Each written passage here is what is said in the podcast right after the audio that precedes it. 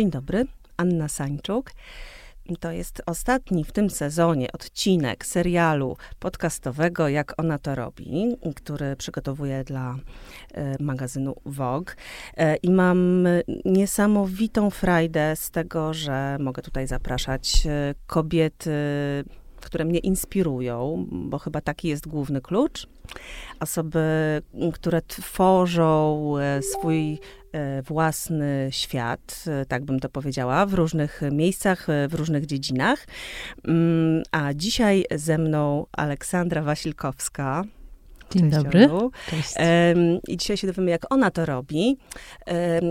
Tak się zastanawiam za każdym razem, jak jak właściwie przedstawiać e, te, te moje gościnie, ponieważ one bardzo często robią całą masę rzeczy.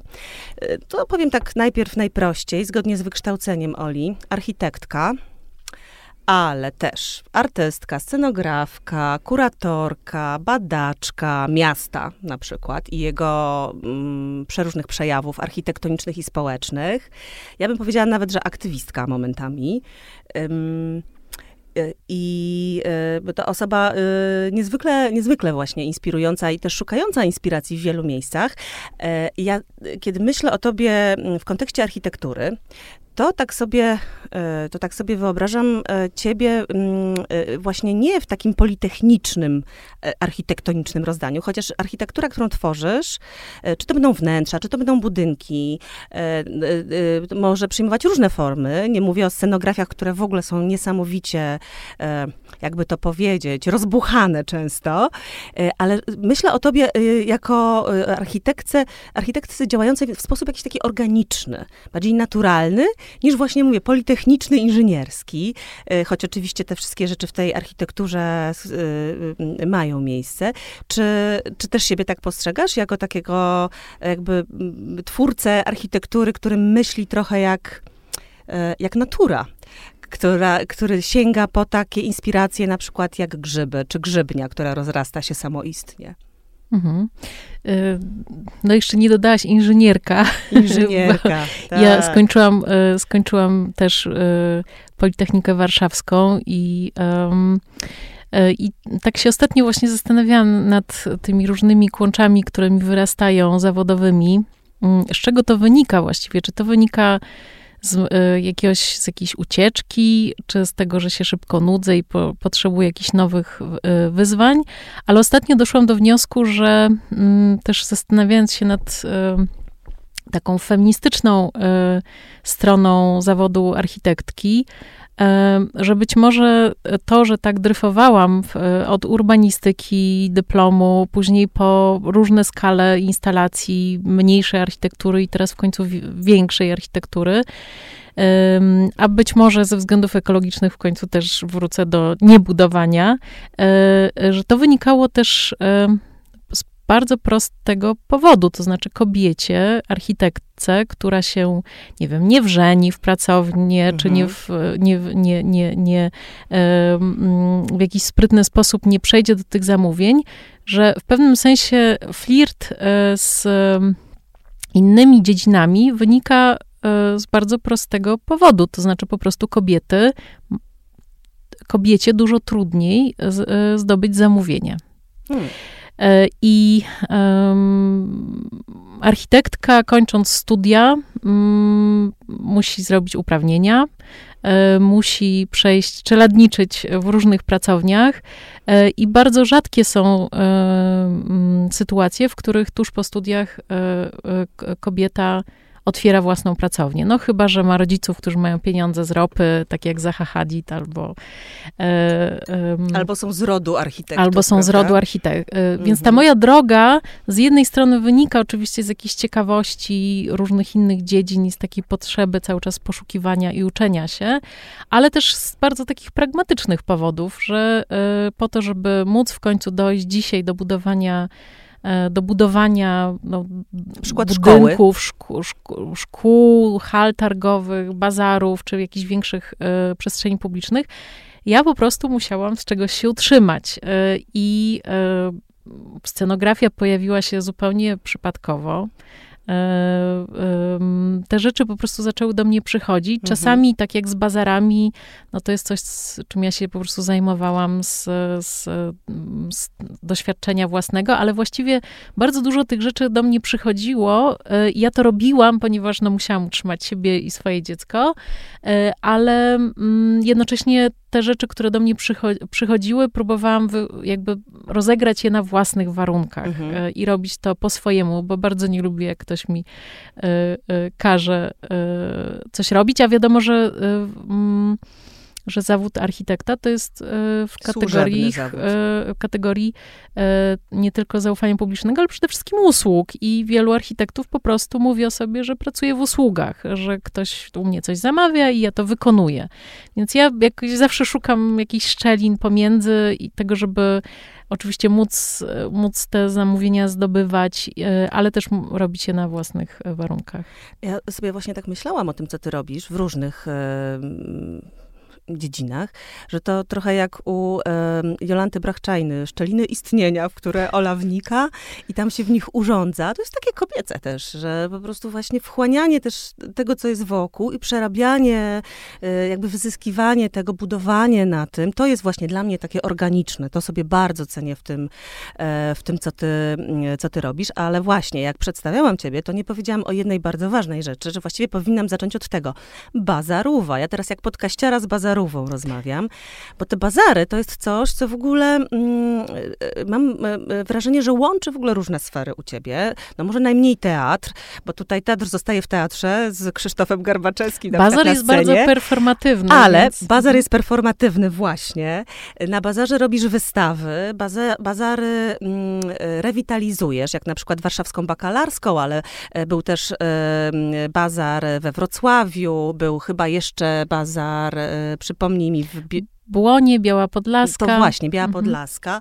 Więc to jest w ogóle taki świat, y, w który ty weszłaś. No właśnie, kiedy pierwszy raz y, byłaś na bazarze, ja chcę zapytać. Kiedy się stało właśnie to miejsce dla ciebie jakimś rodzajem inspiracji właściwie na całe życie? Dlatego, że ciągle mam wrażenie, że jest to dla ciebie żywy, e, żywe źródło, e, z którego czerpiesz. I jako artystka, pewnie za chwilę o tym powiemy, czy też kuratorka na przykład, osoba wymyślająca przeróżne performatywne, mniej lub bardziej wydarzenia, ale też jako architektka. Mhm. Pierwszy raz na bazarze. No, oczywiście Bazar Różyckiego, to jest to, co pamiętam. No i chyba kitajski bazar w Mhm. Moskwie, ale może nie będę aż tak daleko sięgać. E, No wszyscy w Warszawie byli na Bazarze Różyckiego, niezależnie czy szli tam sprzedać kawior, czy kupić prawo jazdy, bo wiadomo, że kiedyś na, na Bazarze Różyckiego można było kupić wszystko. Ale to jest coś, ja jestem dziewczyną urodzoną na szmulkach, jestem praża, prażanką, I Bazar Różyckiego oczywiście bardzo dobrze pamiętam. Zajmowałam się nim, wciąż się nim zajmuję. Mm, Nie jestem autorką, co prawda, tej zbudowanej rewitalizacji tymczasowego bazaru, ale no, bardzo dużo różnych strategii e, przygotowywałam na Bazar Różyckiego i to był taki pierwszy, pierwsze wspomnienie e, z dzieciństwa, te pieski w kartonikach, szczeniaczki w kartonikach przy, przy wejściu. Pyzy? pyzy, e, ale mm, mm, później już jakby mm, jako, jako studentka y, mm, zaczęłam się zajmować placem defilat i szczękami na placu defilat, e, ponieważ to było wtedy na, na tamte czasy najważniejsze właściwie taka publiczna dyskusja wokół tego, jak powinno wyglądać centrum Warszawy, co się powinno wydarzyć na placu defilat, szereg konkursów wokół Pałacu Kultury, czy zburzyć, czy go obudować koroną, no było szereg różnych pomysłów. I ja wtedy postanowiłam, studiując wówczas y, we Francji, postanowiłam jakby wrócić, wybrać sobie na dyplom kontekst warszawski i, i pracować właśnie z Placem Defilat i to był mój pierwszy taki regularny e, mm, projekt bazaru. Moja teza była taka, że nie wyrzucajmy e, nie wyrzucajmy e, m, tych przestrzeni m, nieformalnych poza nawias miasta, zostawmy je w centrum, ponieważ to są jedyne przestrzenie, z których korzystają wszystkie grupy społeczne. To znaczy, że centrum miasta nie powinno być tylko i wyłącznie prestiżem Mhm. dla klasy średniej plus, ale też dla takich grup, które po prostu mają mniej zasobny por, portfel i, i, i, spędzają czas na, na, na targowiskach, robią tam zakupy. W, wówczas też toczyła się dyskusja wokół stadionu dziesięciolecia. Równolegle do mojego dyplomu Asia Warsza robiła akcję na stadionie X. No i to był taki moment właśnie, kiedy wychodziliśmy z, mm, z transform, przechodziliśmy transformację E, ustrojową i wtedy po prostu bazary kojarzyły się z szarą strefą, z czarnym rynkiem, chaosem, e, chaosem brudem. brudem. czymś, o czym mhm. byśmy chcieli zapomnieć. A my chcemy do tej Europy Zachodniej A my oczywiście. chcemy, tak, my chcemy do Europy Zachodniej. Nie do Azji. E, i, i, I to był taki moment, kiedy kiedy też poczułam, że to jest mój temat, wtedy mieszkałam we Francji i tam bazary faktycznie, to było miejsce, w którym po prostu się spotykaliśmy w niedzielę z, ze studentami. To znaczy wszyscy szli nie, nie, nie, do kościoła, nie do kościoła w niedzielę, tylko po prostu szli na bazar. Robiliśmy tam zakupy, potem też pracowałam, dorabiałam sobie jako studentka na, na, na bazarze. I, I uznałam, że to jest właściwie najważniejsze, co mamy w mieście. To znaczy najbardziej żywa, e, oddolnie tworzona przestrzeń. Jednocześnie później, oczywiście, jak się zaczęłam tym zajmować bardziej też intelektualnie, to też zaczęłam badać to z perspektywy w ogóle ekonomii, jak niesamowity E, kapitał też to jest produkowany y, oddolnie przez tych drobnych, drobnych przedsiębiorców, jak dużo miejsc pracy e, powstaje na bazarach, jak to są te, ta mikroprzedsiębiorczość, też często y, łączona z migrantami czy z osobami z innych z korzeniami, z innymi korzeniami. E, I ten świat mnie, im bardziej w to wchodziłam, tym bardziej mnie on fascynował. Ale jeszcze wracając do tego, co, o czym mówiłyśmy na początku, to ja też poczułam, że jako architektka, jeżeli chcę robić swo, swoją architekturę, to ja muszę sobie znaleźć jakąś niszę. To znaczy, że ja nie będę się boksować z panami w garniturach, którzy mhm. są, znają wszystkich deweloperów w mieście i po prostu zawsze będą zgarniać te zamówienia na, na bogatą architekturę, na, na, na bądź na po prostu budynki, w które są wkładane duże pieniądze. I ja się tak przyczaiłam właśnie w tej szczelinie, e, zajmując się tymi brudami, ochłapami, których żadni architekci w ogóle nie chcą tykać. To znaczy właśnie bazary, e, szalety, szalety kible, różne, różne brudy tego miasta, więc jak taki, nie wiem, taki żuk po prostu zaczęłam się zajmować takim Mówiłam, met- organiczna metabolizmem tego miasta, po prostu czy sprzątaniem, czy organizowaniem tego, tych, tych wydzielin miejskich. I i, I myślę, że to była dobra strategia, bo przez tę szczelinę mi się po prostu udało wejść jakoś do mainstreamu. Notabene książka, którą wydałam o, o bazarach i handlu ulicznych, były robione zajęcia na Harvardzie wokół niej. Mhm. Teraz w tym roku była wystawa w Australii wokół Shadow Architecture, więc jakby od, od wejścia w jakąś taką niszę e, zupełnie nielubianą, wstydliwą, e, e, zaczęłam się po prostu w tym mościć, no i stałam się po prostu ekspertką tych brudnych, brudnych miejskich tematów ekspertka od miejskiej podświadomości, prawda? No, e, architektura cienia, architektura y, też samorodna, architektura oddolna. To właśnie mi się z tym jakimś takim organizmem typu właśnie grzybnia rozrastającym, łączącym bardzo różne elementy y, bardzo kojarzy i rzeczywiście w swoim działaniu ty też tak właśnie łączysz różne rzeczy. Y, bardzo mnie jakoś tak wzruszyło, przeglądając sobie różne artykuły, wywiady z tobą, patrzę na portalu Architektura i biznes, jest takie pytanie, tam 10 pytań do, prawda? Architektura czy biznes? No i odpowiedź y, y, Oli Wasilkowskiej, sztuka. Y, nie, seks. Nie, seks to było, co robisz w wolnym czasie? Sport A. czy coś tam? Dobrze, A, okay. może to jest też bardzo dobra odpowiedź. Tak. W każdym razie wszystko się gdzieś ze sobą, wszystko się gdzieś ze sobą łączy. Myślę sobie też o takiej e, historii, wiesz, tego właśnie e, żywego, niekłamanego miasta, które nie jest e, budowaniem jakiejś takiej twarzy na pokaz, tylko jest takim życiem samym w sobie. To jest chyba też ten, e, to jest to jądro tej bazarowości, że rzeczywiście tam możemy poczuć, że ży, życie trwa. Przychodzisz, e, szukasz tych kolorów, smaków, tak jak na bakalarskiej, na której, sama mówisz, jest, nie wiem, 25 różnych nacji, w tym, w tym monolicie polskim, który teraz może trochę się zabarwia w kolorze mm, żółto-niebieskim, dzięki temu, że, że mamy tak e, dużą grupę mm, ukraińską, no, z wiadomych powodów.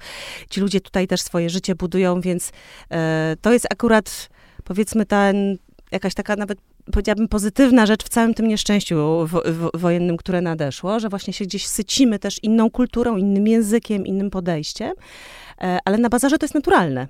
Na bazarze, nawet takim polskim bazarze, prawda? Y, y, tam też y, mm, no nie wiem, chodzimy na FO, tak jak chodziło się y, na mm, jarmark Europa, czyli na stadion dziesięciolecia. Wydaje mi się, że tam się w ogóle stworzyła cała jakaś taka grupa, y, jakieś takie środowisko wręcz. Nie masz takiego wrażenia, że to był taki czas, powstała też książka Dorota Podlaska, fantastyczną książkę razem z wietnamskim y, dziennikarzem, tutaj mieszkającym w Polsce stworzyli wywiady, teksty, a ona ilustracje tam, tam, wydaje mi się, większa grupa nagle dotknęła tego, czym może być ta przestrzeń i że ona nie musi być rugowana z naszego życia, które ma być układane właśnie w rządku, e, pięknie tutaj wygładzone. E, co tam takiego się działo tak naprawdę? Co miało w sobie ta ulica Zup słynna, że mhm. ludzie chcieli tam właśnie przychodzić sobie e, właściwie co, co weekend, nie? Bo to były takie mhm. weekendowe bardziej spędy. No to był jeszcze mm, taki czas sple, sprzed planu B i przed, sprzed e, z, Bawiksu, prawda? Tak, że czyli właściwie, warszawskiego centrum e, tak, klubowo-imprezowego. Tak, że, że, że jedyne miejsce w Warszawie wtedy, na którym mm, po prostu kwitło życie towarzyskie i wiadomo, że wszyscy tam się spotkają w niedzielę, to była właśnie słynna Aleja z zupami w, na stadionie dziesięciolecia. I co ciekawe, to było miejsce, które powstało zupełnie oddolnie, to znaczy mhm. bez projektowania, bez planowania, że tutaj teraz będzie plac i tu będziemy się spotykać. Nie, to po prostu e, powstało z jakiegoś głodu, po pierwsze, po pierwsze wtedy w ogóle e, chyba nie wiem, 70% warszawiaków deklarowało, że chodzi na stadion dziesięciolecia i kupuje tam rzeczy. Bo było taniej. Bo było taniej. Y, I ta faktycznie ta zupa, y, ta aleja z zupami, to było właściwie takie miejsce, na, na które najpierw przychodzili oczywiście tam się żywić po prostu kupcy. Wietnamscy kupcy przychodzili sobie zjeść po pracy. E, I później jakąś pocztą pantoflową się rozeszło, że jest to bardzo tanie, z super świeżych produktów, takie truskulowe, nie kurczak pięć smaków, robione pod Europejczyków, tylko prawdziwe miejsce, e, w którym no, bez podróżowania można pod, mhm, podróżować. podróżować tak. E, I, ba, I bazary są takim elementem jakby po, podróży też. I bakalarska, która jest takim dzie, dzieckiem stadionu dziesięciolecia, bo te osoby, które teraz handlują na, mm, na bakalarskiej, to jest tam połowa tych kupców, którzy zostali wyrzuceni, powiedzmy, ze stadionu, przeniosła się właśnie tam. E, no i mm, to jest tak, jak mówiłaś, to jest 25 różnych narodowości. To jest najbardziej kosmopolityczne miejsce w, e, w Polsce. Śmiem się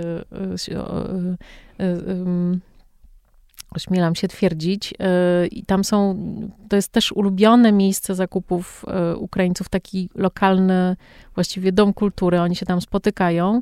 E, mm, większość to jest, większość w tej mniejszości to są oczywiście Wietnamczycy, ale też są ludzie z Nigerii, z Jemenu, z Kazachstanu, z no, najróżniejszych, z Gruzji, najróżniejszych miejsc odległych od siebie na mapie. I to wszystko razem, ta, ta wieża Babel jakoś funkcjonuje, znaczy tam się wytworzyły jakieś takie rytuały, jak i, i, i jakieś takie alejki rodzajowe, jak słynna Aleja Pazurów, którą, którą znasz, na której właśnie w, w większości też wietnamscy chłopcy, panowie e, robią mm, manicure i to jest wspaniały widok, jak widzę polską e,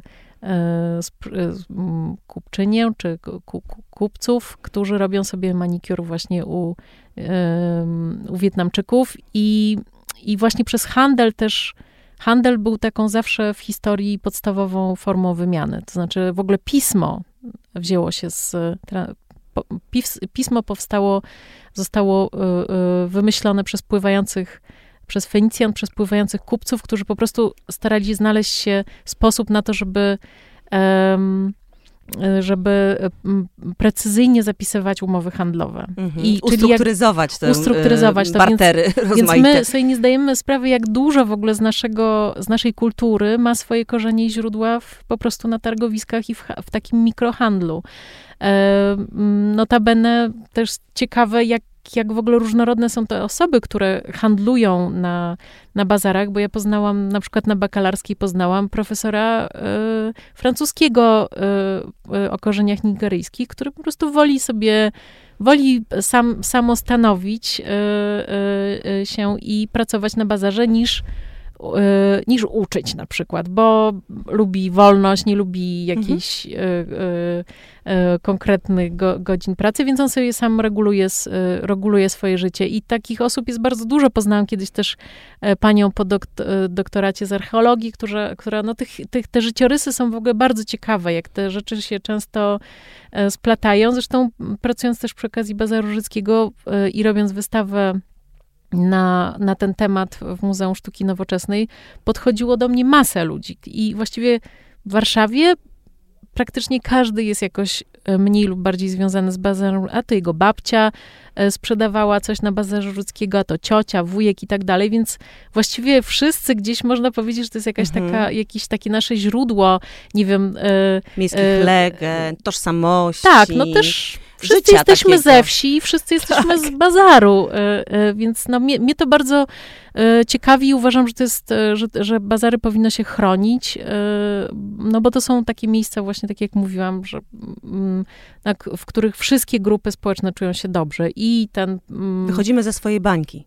Tak, i, i w której się sposób. też spotyka, i w której też te grupy się gdzieś spotykają. To jest właściwie jedyne miejsce poza komunikacją publiczną, powiedzmy, gdzie można przeciąć, y, przeciąć się, nie wiem, czy na bazarze koło, gdzie przychodzą bardzo różni ludzie, y, od jakichś dyplomatów y, i ambasadorów po po prostu. Nurków wiem, śmietnikowych. Nurków śmietnikowych, dokładnie. Um, Wiesz co, a mm, tak, tak e, też sobie y, myślę w kontekście tych bazarów, y, jak z drugiej strony to ty, ty patrzysz na, tę stron, na, na ten estetyczny wymiar tych bazarów, prawda? No bo tu mówimy o takiej jakby społecznej roli, jak to działa na, jak to tworzy miasto, jak to na, tworzy tę sieć w ogóle relacji, prawda? Rozmaitych na rozmaitych poziomach, ale też jest, no jest ta strona estetyczna, E, tej struktury, konstrukcji. Ty jesteś architektką, a zaczęłyśmy też gdzieś e, od tego rozmawiać o bazarach, że w pewnym momencie był ten słynny euroremont, tak? Wszystko, tutaj wyrzucamy te szczęki, wyrzucamy, mm, wyrzucamy tych e, kupców ulicznych, bo chcemy być europejską stolicą z wysokościowcami, wysokość, wieżowcami, wieżowcami tak? tak? język Polska, trudna język. I, jakby trochę właśnie takie było wylanie dziecka z kąpielą, że jakby pozbywasz się w tym momencie właśnie takiego, tego, tego życia, tego fermentu, tego, mm, tego, tego po prostu buzującego jakiegoś elementu, y, który na przykład znamy właśnie, chociażby z, z, Francji, gdzie się zamyka ulicę w Paryżu, zamyka się ulicę w określonej dzielnicy określonego dnia i, i jest bazar. I wszyscy tam są i wszyscy tam po prostu cały dzień praktycznie spędzają. Y, y, jak to jest od tej strony estetycznej, jak na to mhm. patrzysz? Bo to często jest argument podnoszony, że musimy tutaj wyrzucić albo przebudować, albo przesunąć, bo to brzydkie. Tak, modernizować, mhm. zrobić najlepiej wszystkie mhm. pawilony szare mhm. z uładzoną, z uładzoną reklamą. No to jest, e, to jest negocjowa, ta estetyka to się po prostu negocjuje.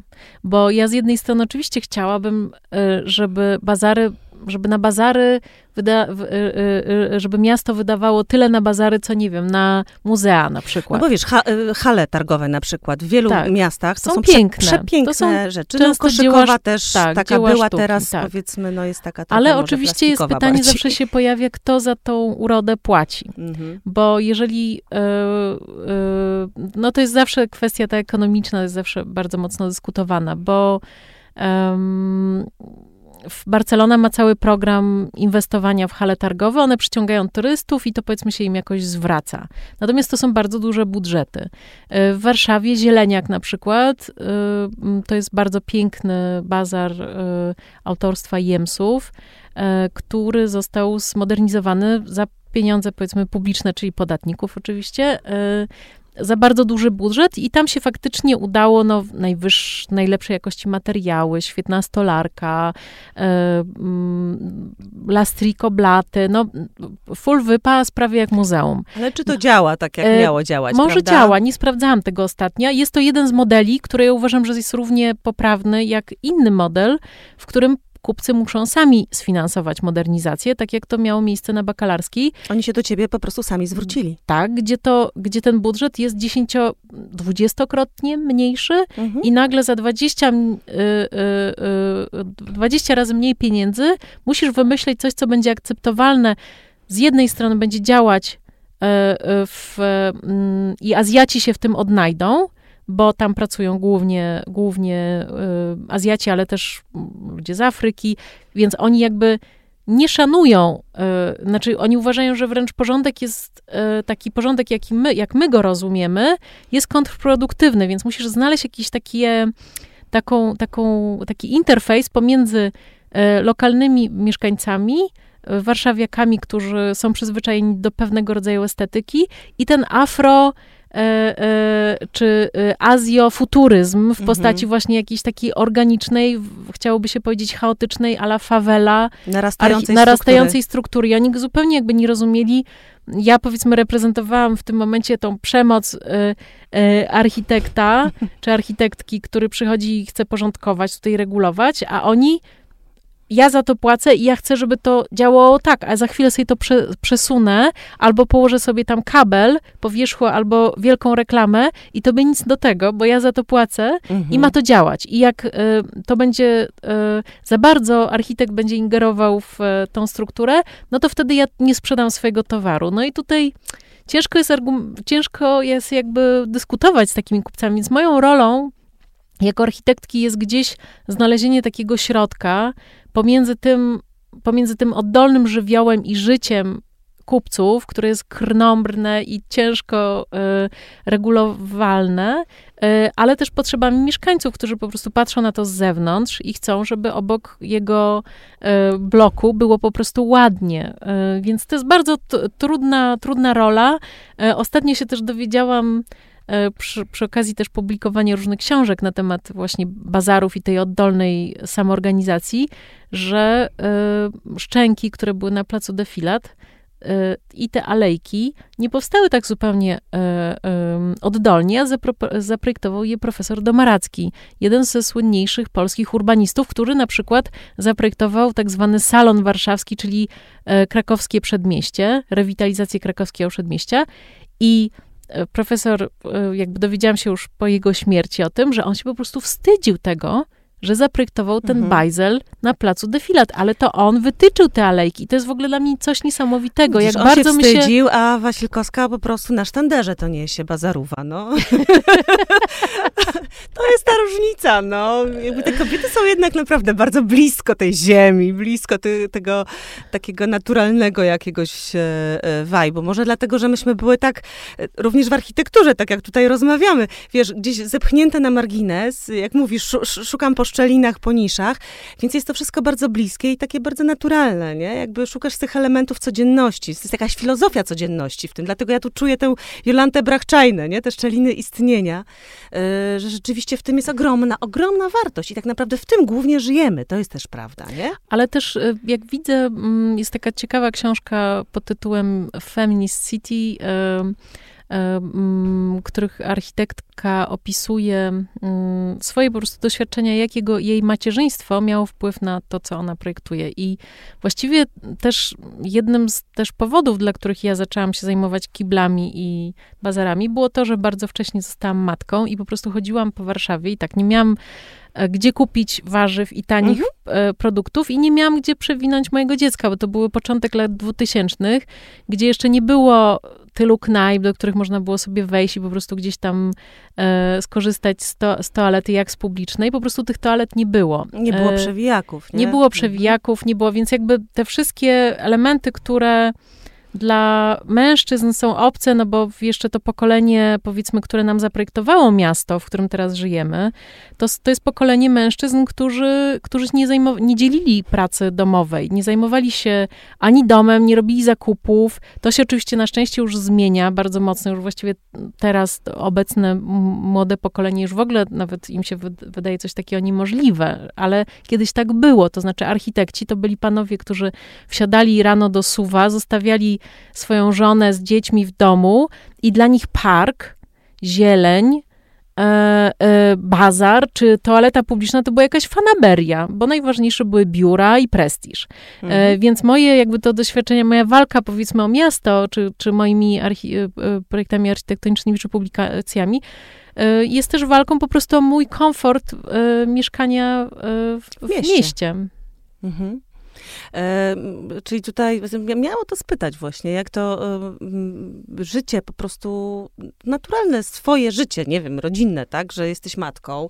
E, no w tej chwili to w ogóle też jest dosyć ciekawe, bo możesz porównywać pewne rzeczy, dlatego, że jesteś matką i już właściwie prawie, prawie dorosłego chłopaka i masz małą dziewczynkę, prawda, bo e, dosyć duży jest rozdziew między twoimi dziećmi, więc też możesz e, z nią na nowo oglądać to miasto po tych wszystkich zmianach, w których e, jesteś też sprawczynią w pewnym sensie, bo te, te twoje działania, również publicystyczne, bo to też może jest ważne, żeby powiedzieć, że ty dużo na ten temat właśnie i, i badałaś, i pisałaś, y, i wykładałaś, i doradzałaś choćby miastu. jak postrzegasz to, te, tę przestrzeń? Już, znaczy rozumiem, że już widzisz, że rzeczywiście te zmiany nastąpiły. czy, czy, czy, czy to macierzyństwo numer dwa y, w tym mieście realizuje się w jakiś łatwiejszy sposób według ciebie? Mhm. No jasne, już jestem uzbrojona, jakby starsza, różne doświadczenia.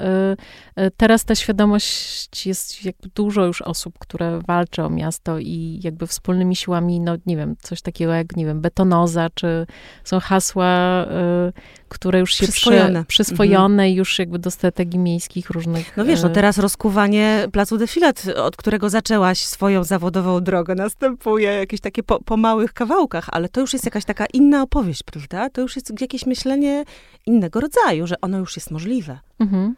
Tak, no na pewno jakby teraz miasto wygląda y, inaczej. Temat, który mnie teraz interesuje, mhm. bo w pewnym sensie jakby buduję kolejne bazary i, i, gdzieś mam poczucie jakiegoś spełnienia, to znaczy na pewno się będę nimi dalej zajmować, ale już jakby wydaje mi się, że to już się przebiło do mainstreamu i po prostu trzeba to robić już praktycznie.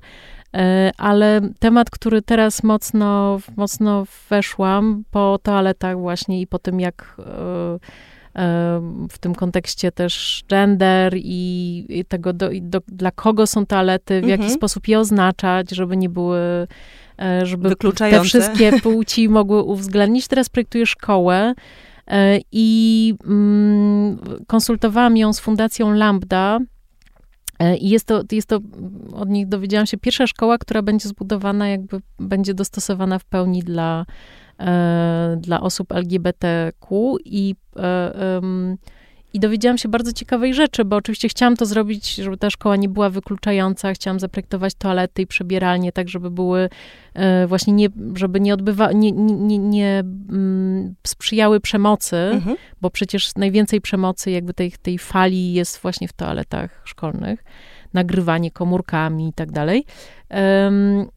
I mm, E, I dowiedziałam się, że e, jedna osoba na klasę, nie miałam takiej świadomości, to jest osoba, która ma jakby płynną tożsamość. E, I, I mm, coś, co wydawało nam się, że jest jakąś zupełną niszą, okazuje się, że to jest jedna osoba na 20, czyli to jest naprawdę duża część, nawet nie można powiedzieć mniejszość jakaś, to jest część naszego społeczeństwa, która ma zupełnie inne potrzeby. E, I, e, I one, no, staram się zaprojektować taką modelową szkołę, która te potrzeby będzie uwzględniać, a to tak praktycznie e, polega na tym, że na przykład wszystkie toalety będą miały przepierzenia zabudowane. To znaczy nie będzie tych giszetowych ścianek, że może dziecko stanąć na na, na toalecie i nagrać kolegę komórką. Mhm, albo wsunąć albo od dołu. wsunąć od dołu, co, coś, co się bardzo często kończy po prostu dramatami, samobójstwami albo jakimiś no, dużymi problemami psychicznymi dziećmi. Plus każda klasa będzie miała swoją, będzie tworzyć taką bańkę, yy, yy, więc będzie miała swoją toaletę. Plus coś, z czego jestem bardzo dumna, zniwelowałam taki błąd, który jest wciąż e, w warunkach technicznych prawa budowlanego, a mianowicie dzisiaj budynki projektuje się w ten sposób, że jest, musi być więcej oczek dla mężczyzn niż dla kobiet. To jest tak, że... Gdy tymczasem, gdzie są największe kolejki? No właśnie, do damskich... Jak my cierpimy po do prostu Do damskich toalet. W przerwie dlatego, w teatrze, prawda? Tak, Jak stajemy, Olu, dlatego, bo my jesteśmy często w teatrze. Tak jest. E, I, i, i to, jest, to jest dosyć duży problem. W tej szkole udało mi się zachować, czyli mhm. zawsze w budynkach E, jeżeli architekt po prostu zaprojektuje coś zgodnie z warunkami technicznymi, to ma się jedną kabinę dla kobiet i jedną kabinę dla mężczyzn plus jeden pisuar. Mhm. Czyli tak naprawdę dwa oczka kontra jedno oczko dla kobiet. Mhm. Więc jest to całkowicie niesprawiedliwe. To jest archaizm, nie wiem, sprzed zeszłego wieku. Dzisiaj powinno być zupełnie inaczej. Więc w tej szkole po pierwsze jest jakby ten parytet, a po drugie są toalety też neutralne płciowo. W szatniach jest możliwość schowania się, przebierania się nie grupowo, tylko wejścia do po prostu przebieralni zamykanej. Są takie drobiazgi, które powodują, że po prostu to życie e, osób, które, nie wiem, mają jakiś, mm, e, czują się, mm, chcą, chcą mieć większą intymność, po prostu jest łat, łatwiejsze. No i, i mm, ponieważ robię też z Cezarem Tomaszewskim e, spektakl o queerze, to jakby ten temat mnie w architekturze, jak queerować architekturę bardzo i przestrzeń bardzo, bardzo teraz interesuje. To jest coś, co po toaletach i bazarach będzie mnie pewnie przez najbliższe lata zajmować. Dobra, no to weszłyśmy do teatru, to trochę te, przyjrzyjmy się temu teatrowi. Co to jest w ogóle dla ciebie przestrzeń? Poza tym, że to był taki moment, yy, czy taka szczelina, w, której, w którą po prostu mogłaś wejść, prawda? Ale to jeszcze wszystkiego nie wyjaśnia. Ja też pamiętam na przykład... Yy, E, twoje scenografie e, dla mm, spektakli Krzysztofa Garbaczewskiego, niesamowite rzeczy, albo na przykład Czarną chmurę, która trafiła do kolekcji Zachęty, e, no to mam wrażenie, że ty w ogóle w teatrze jakąś nową jakość wprowadziłaś. Tam jest bardzo dużo chociażby takiej przeskalowanej tkaniny, jakichś takich zupełnie innych rzeczy, takiej, jakiejś takiej miękkości, jakiejś, no, dla, dla mnie to jakieś było zupełnie nowe spojrzenie na przestrzeń e, sceniczną. A mhm. co ty tam tak naprawdę znalazłaś? Czego tam poszukiwałaś i, i, i co znalazłaś właśnie?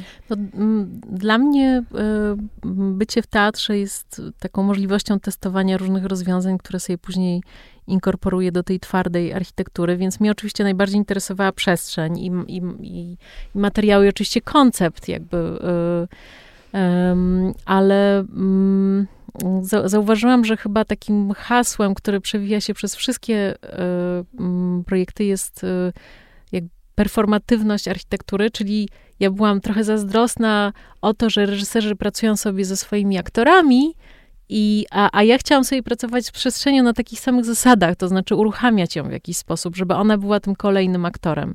I pierwszy spektakl, który, pierwszą scenografię, którą zrobiłam, to jest właśnie Czarna Wyspa do życia seksualnego dzikich. I tam, tam wymyśliłam jakieś takie fikcyjne ter terytorium z dzikich, właśnie Czarną Wyspę, y, która dominuje przestrzeń teatrów i ona właściwie reżyseruje częściowo też aktorów, ponieważ ona, ona się zmienia, rusza, oddycha. Ja pamiętam, że na wystawie ludzie się kładli, e, jak już była e, zakupiona do zachęty i była pokazywana e, w galerii, to ja też tak zresztą robiłam. Kładłam się pod spodem i mm, patrzyłam na to, co się pode mną właśnie cały czas zmienia, przepoczwarza, jest właśnie jakimś takim bytem, jakimś organizmem. To było niesamowite.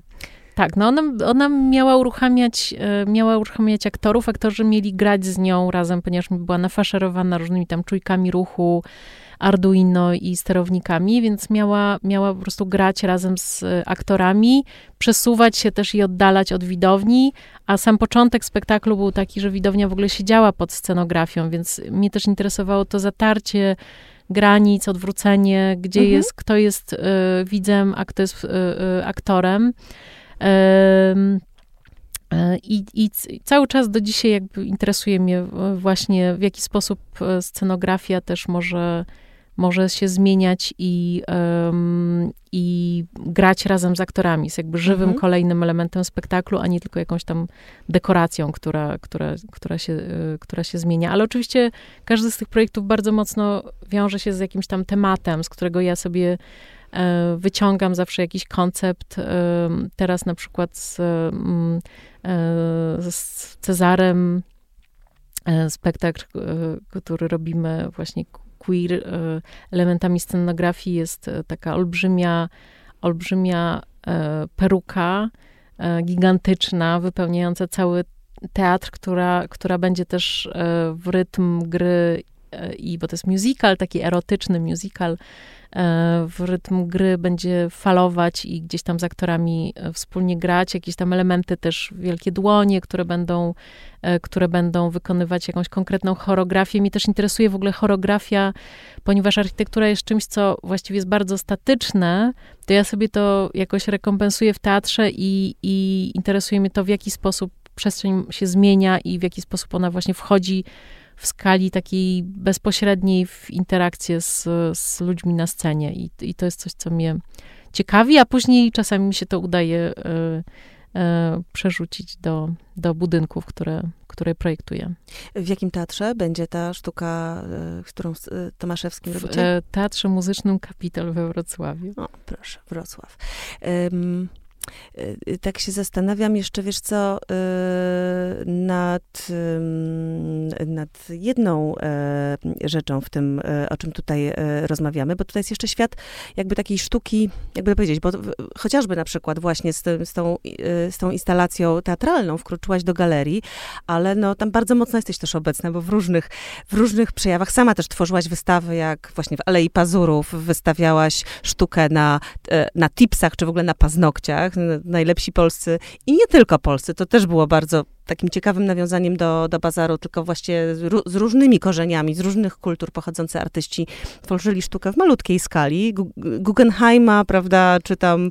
Yy, czy, czy, czy, czy, czy momę na paznokciach, ale też byłaś współprojektantką na przykład pawilonu polskiego, czy wystawy w pawilonie polskim w Wenecji, co jest takim właściwie prestiżowym ukoronowaniem działalności, działalności artystycznej, prawda? To było ciekawe. Emergency Exit to się nazywało i właściwie było jakimś takim, taką opowieścią o ryzyku, które trzeba podjąć.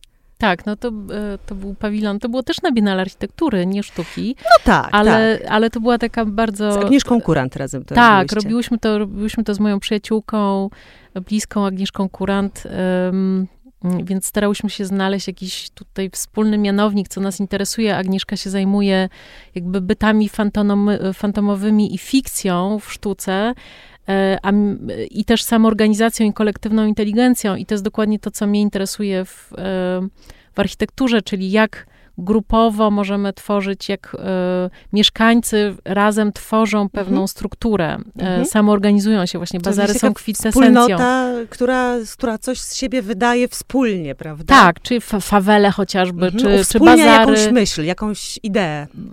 Lub materialnie coś mhm. buduje, tak jak Agnieszka na przykład robi rzeźby termitów, które budują jej rzeźby same, jakby bez jej udziału prawie, że to mnie interesują bazary, gdzie w pewnym sensie kupcy są takimi termitami, którzy właśnie właśnie razem e, na zasadzie zbiorowych jakichś interakcji tworzą sumę jakiejś niesamowicie złożonej, mhm. ciekawej e, e, struktury. No i w, na Biennale w Wenecji um, postanowiłyśmy zbadać um, w jaki sposób gdzie są te szczeliny,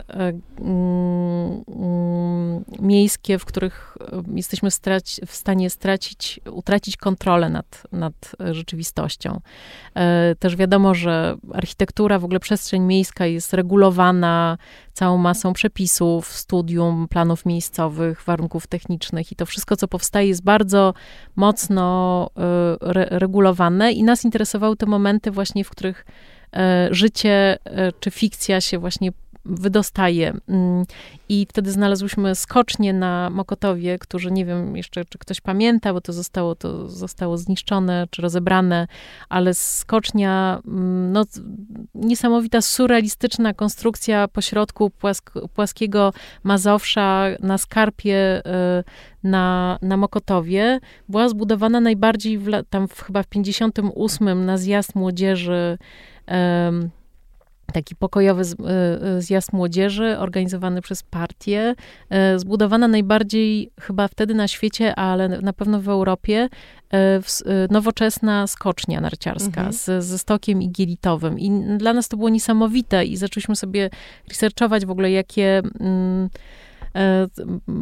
wydarzenia się odbywały. Między innymi Skolimowski nakręcił tam taką scenę przepiękną w barierze, gdzie Nowicki siada na swojej walizce i wyskakuje w pustkę.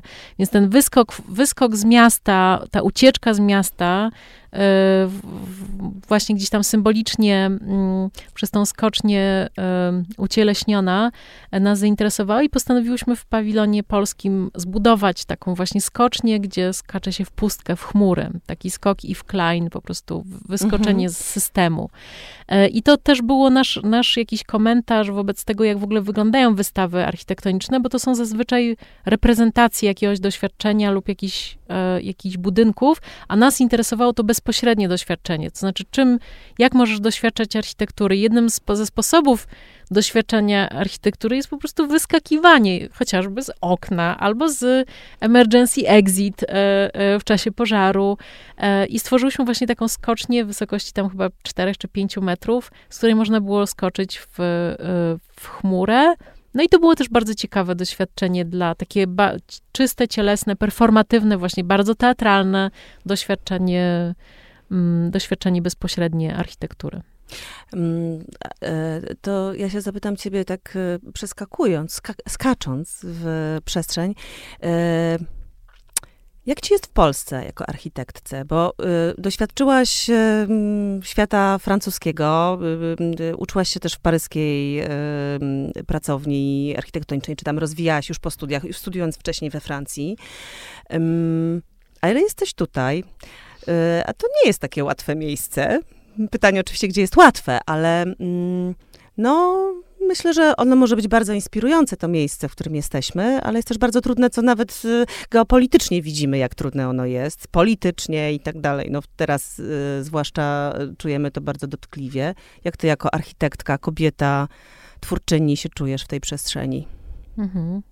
Nie wykonałaś skoków, y, przynajmniej nie na stałe skoczyłaś gdzieś tam w ten świat bardziej cywilizowany, jak to niektórzy mówią.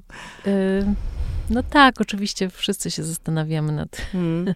nad emigracją, y, ale mm, no ja sobie wybrałam taką strategię jakiejś takiej działania w, na swoim małym polu, na swoich mhm. małych polach i to jest moja gdzieś tam nisza i oczywiście kuszą mnie, kuszą mnie, teraz rozpracowujemy z moim szanownym małżonkiem pewien e, migracyjny plan, bo to jest myślę, że doświadczenie, które jest bardzo ciekawe w ogóle, po to, żeby gdzieś, wiadomo, roz, nie tylko na zasadzie kontesta, kontestacji, e, nie wiem, kon, jakby politycznej swojego kraju, ale po prostu jako takiego doświadczenia no bo mówmy się, że migranci to są te osoby najbardziej pomysłowe, przedsiębiorcze. Ja nie mówię o uchodźcach, którzy oczywiście e, uciekają po prostu przed wojną, ale o migrantach ekonomicznych.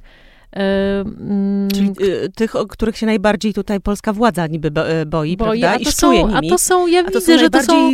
twórczy ludzie, to są, można sobie wyobrazić, to są, to, to, to, są skarb, to jest skarb, to znaczy ludzie, którzy przyjeżdżają do, do jakiegoś kraju, to są ludzie, którzy, którzy potrafią więcej niż ci, co zostali. E, tak mi się wydaje. I też mają otwar bardziej otwarte umysły. Oczywiście no, niektórzy nie wyjeżdżają z różnych rodzinnych powodów, chociażby mogli, więc to jest bardzo, bardzo, bardzo jakby skomplikowane i ciekawe, ale wydaje mi się, że takie doświadczenie migracji chociaż na chwilę um, jest, jest przydatne, no ale jestem na razie w Warszawie, jakby tutaj wytworzyłam sobie własną niszę i w tej niszy funkcjonuję, jest mi, jest mi dobrze, ale to nie znaczy, że nie, że w którymś momencie nie... Nie, nie wykonasz skoku. Nie wykonam skoku. Na przestrzeń. E, to ja na koniec zapytam cię o coś takiego, o co pytam wszystkie swoje rozmówczynie, bo y, to jest y, y, dla mnie też ważne. Ja się też w tym jakoś przeglądam. Mianowicie gdzie znajdujesz e, swoje mm, mm, zasilanie? Z czego czerpiesz energię?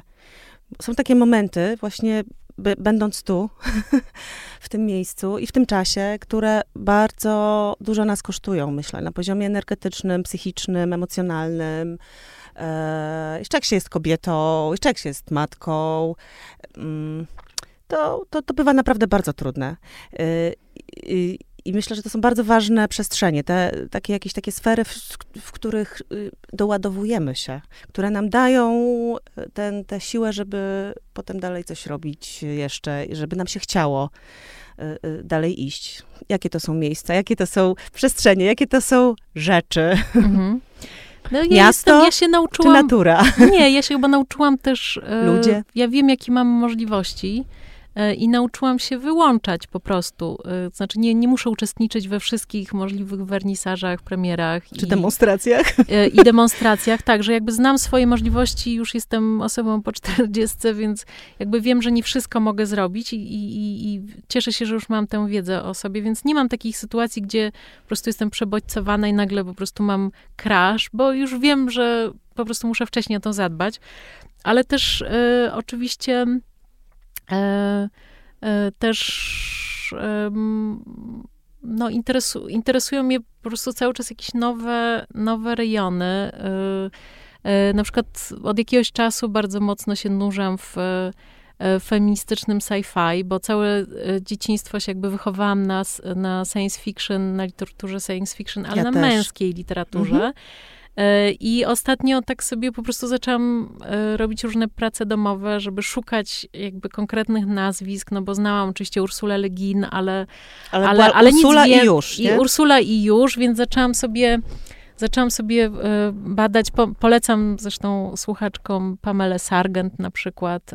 Słuchaczom albo, też polecamy słuchaczom też oczywiście, y, jeżeli się interesują feministycznym sci-fi.